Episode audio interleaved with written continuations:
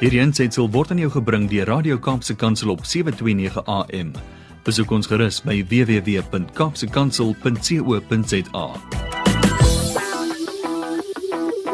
745. Oh, someone sent us a nice meme. It's got a picture of a hand holding some flowers that you can see. This is not one of these fancy bunches that you're buying at the supermarket and you're paying two arms and three legs. It's one of those. Iemand het deur die veld geloop en net veldblommetjies gepluk. En daar's 'n hand met so nice manicured nails just like Zanti Swanepoels holding uh, some flowers and says, "Hallo lieflike mens, ek bring net blommetjies om te sê, hoop jou dag is awesome." And it seems just right after looking at a picture of blommetjies to be speaking to Zanti Swanepoel. Good morning, Zanti.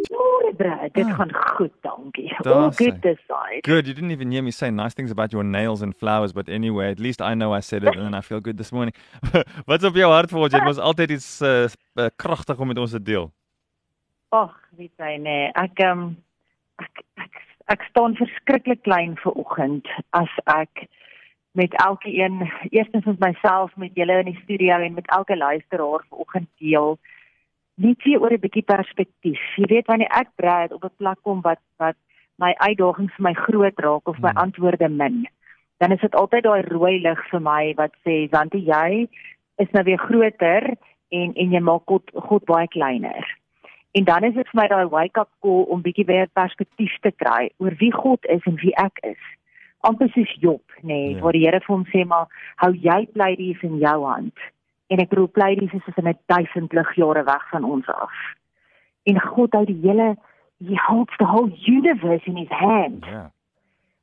Dit gee baie net sy perspektief dat ons weet nie hoe groot die universe is nie.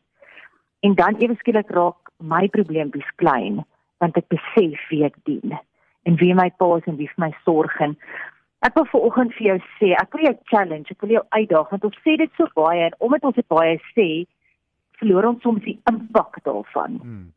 Ek wil vandag weer vir jou vra.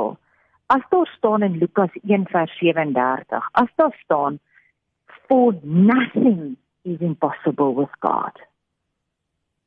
Het dit nog steeds daai impak? Glo jy dit regtig?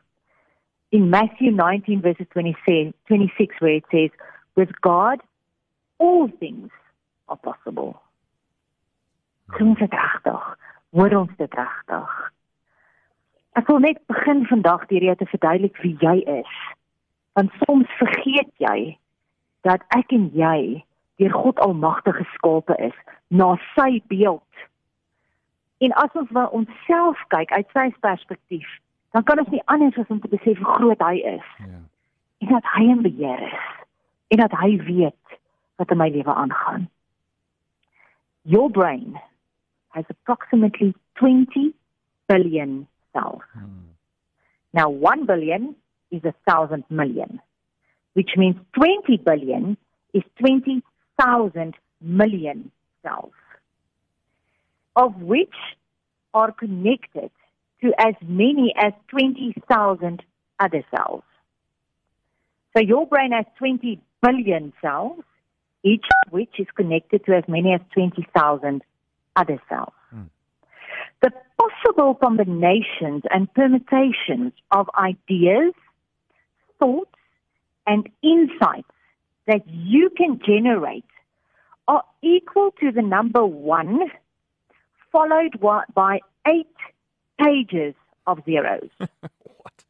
Imagine that. This number is greater than all the molecules in the known universe. Hmm. Your thoughts, your ideas, your insights are greater than all the molecules in the known universe. Now, every time I read this, and I've got it ek het dit op 'n baie spesifieke plek in my dagboek want elke keer as my probleme groot raak en en God raak klein, dan gaan ek terug hiernatoe. En wat hierdie vir my sê is if I was created in this miraculous and with this huge potential, how big is God if this is me and I am small? How big is He? Hmm. How is he limited to the physics of this world? Niks is vir hom onmoontlik nie. En ek wil jou vanoggend bemoedig luisteraar as jy daai persoon is wat voel maar weet jy wat ek bid al hoe lank en ek vertrou al hoe lank vir hierdie persoon, vir daardie persoon, vir die regering, vir my werkers, vir my werknemers, vir wie ook al en daar gebeur niks. Dan wil ek vir jou sê hou aanbid. Want vandag wil ek vir jou verduidelik hoe nie onmoontlik alles vir Here is. Hmm. And that if you keep trusting and keep praying, he will blow you away because nothing is impossible. He created you with 20,000 billion cells in your brain with ideas more than all the molecules in the universe. Who do you think he is? Because maybe it's time to realize that this morning. He is much bigger than that. And he's got you in the palm of his hands. He has your back. Keep trusting and keep praying. Because you see, I want to share with you something this morning that that that blew me away a couple of years ago and, and I want to share it again because hmm. it is such a powerful story. But Angola is one of America's largest maximum security prisons. It houses 6,300 inmates in five uh, separate complexes on 18,000 acres of working prison farm. So here we have 6,300 of the most dangerous prisoners in America. Mm. It's a maximum security prison. Now, Angola is named, was named one of the bloodiest prisons in America. You actually get issued with a dagger, they say, yeah. when you get there, just to, to try and save your own life. And there is no incentive to change your life because you have little chance of early release and no chance of, of, of ever getting out of there. So today, 90% of the prisoners that end up in Angola die there. Wow. Not uncommon to die alone. There's no one around you when you die. No family at the funeral. So they lose complete, complete hope. And when you look at the crimes you commit, you cannot think that anybody can love them. Mm. But you know what? When Jesus died on that cross, a murderer was next to him. Yeah. And today I want to bring you back to yourself and to the passion God has for you. Because He died for every one of these 6,300 criminals as well.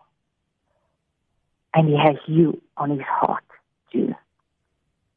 Now, these inmates were not allowed to, um, in 1994, the federal government revoked the Pell Grant, which made them eligible for, um, for the convicted felons hmm. to have college funding um, to get a, just to, to educate them and to get a degree. So in 1994, they stopped this completely. But Burl Cain was the warden at that time.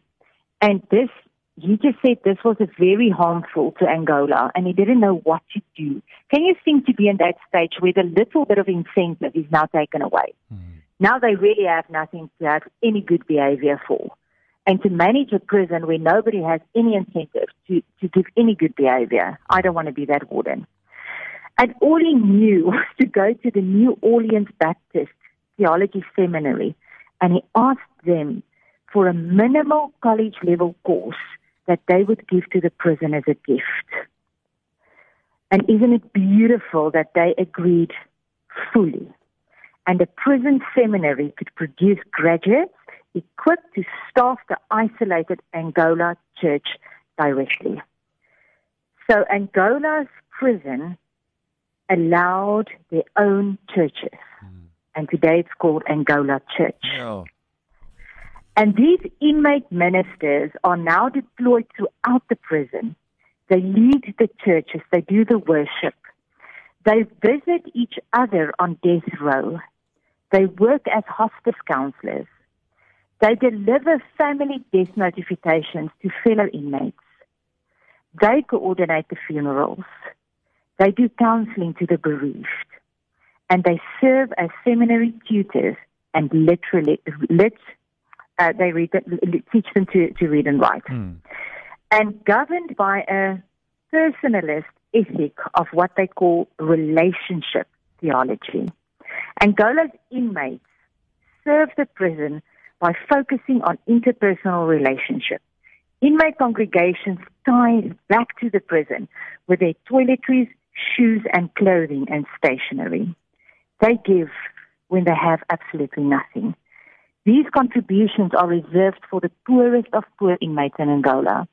In 2015, 38% of Angola's prisoners had less than $5 in all their personal accounts. Less than $5.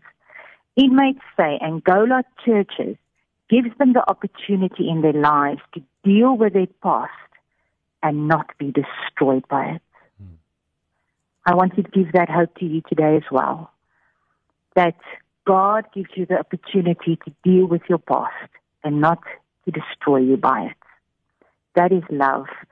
We feel if we are that we are not human. This is the inmate speaking. We feel that we are not human. But the moment you become a son of God, you become human again.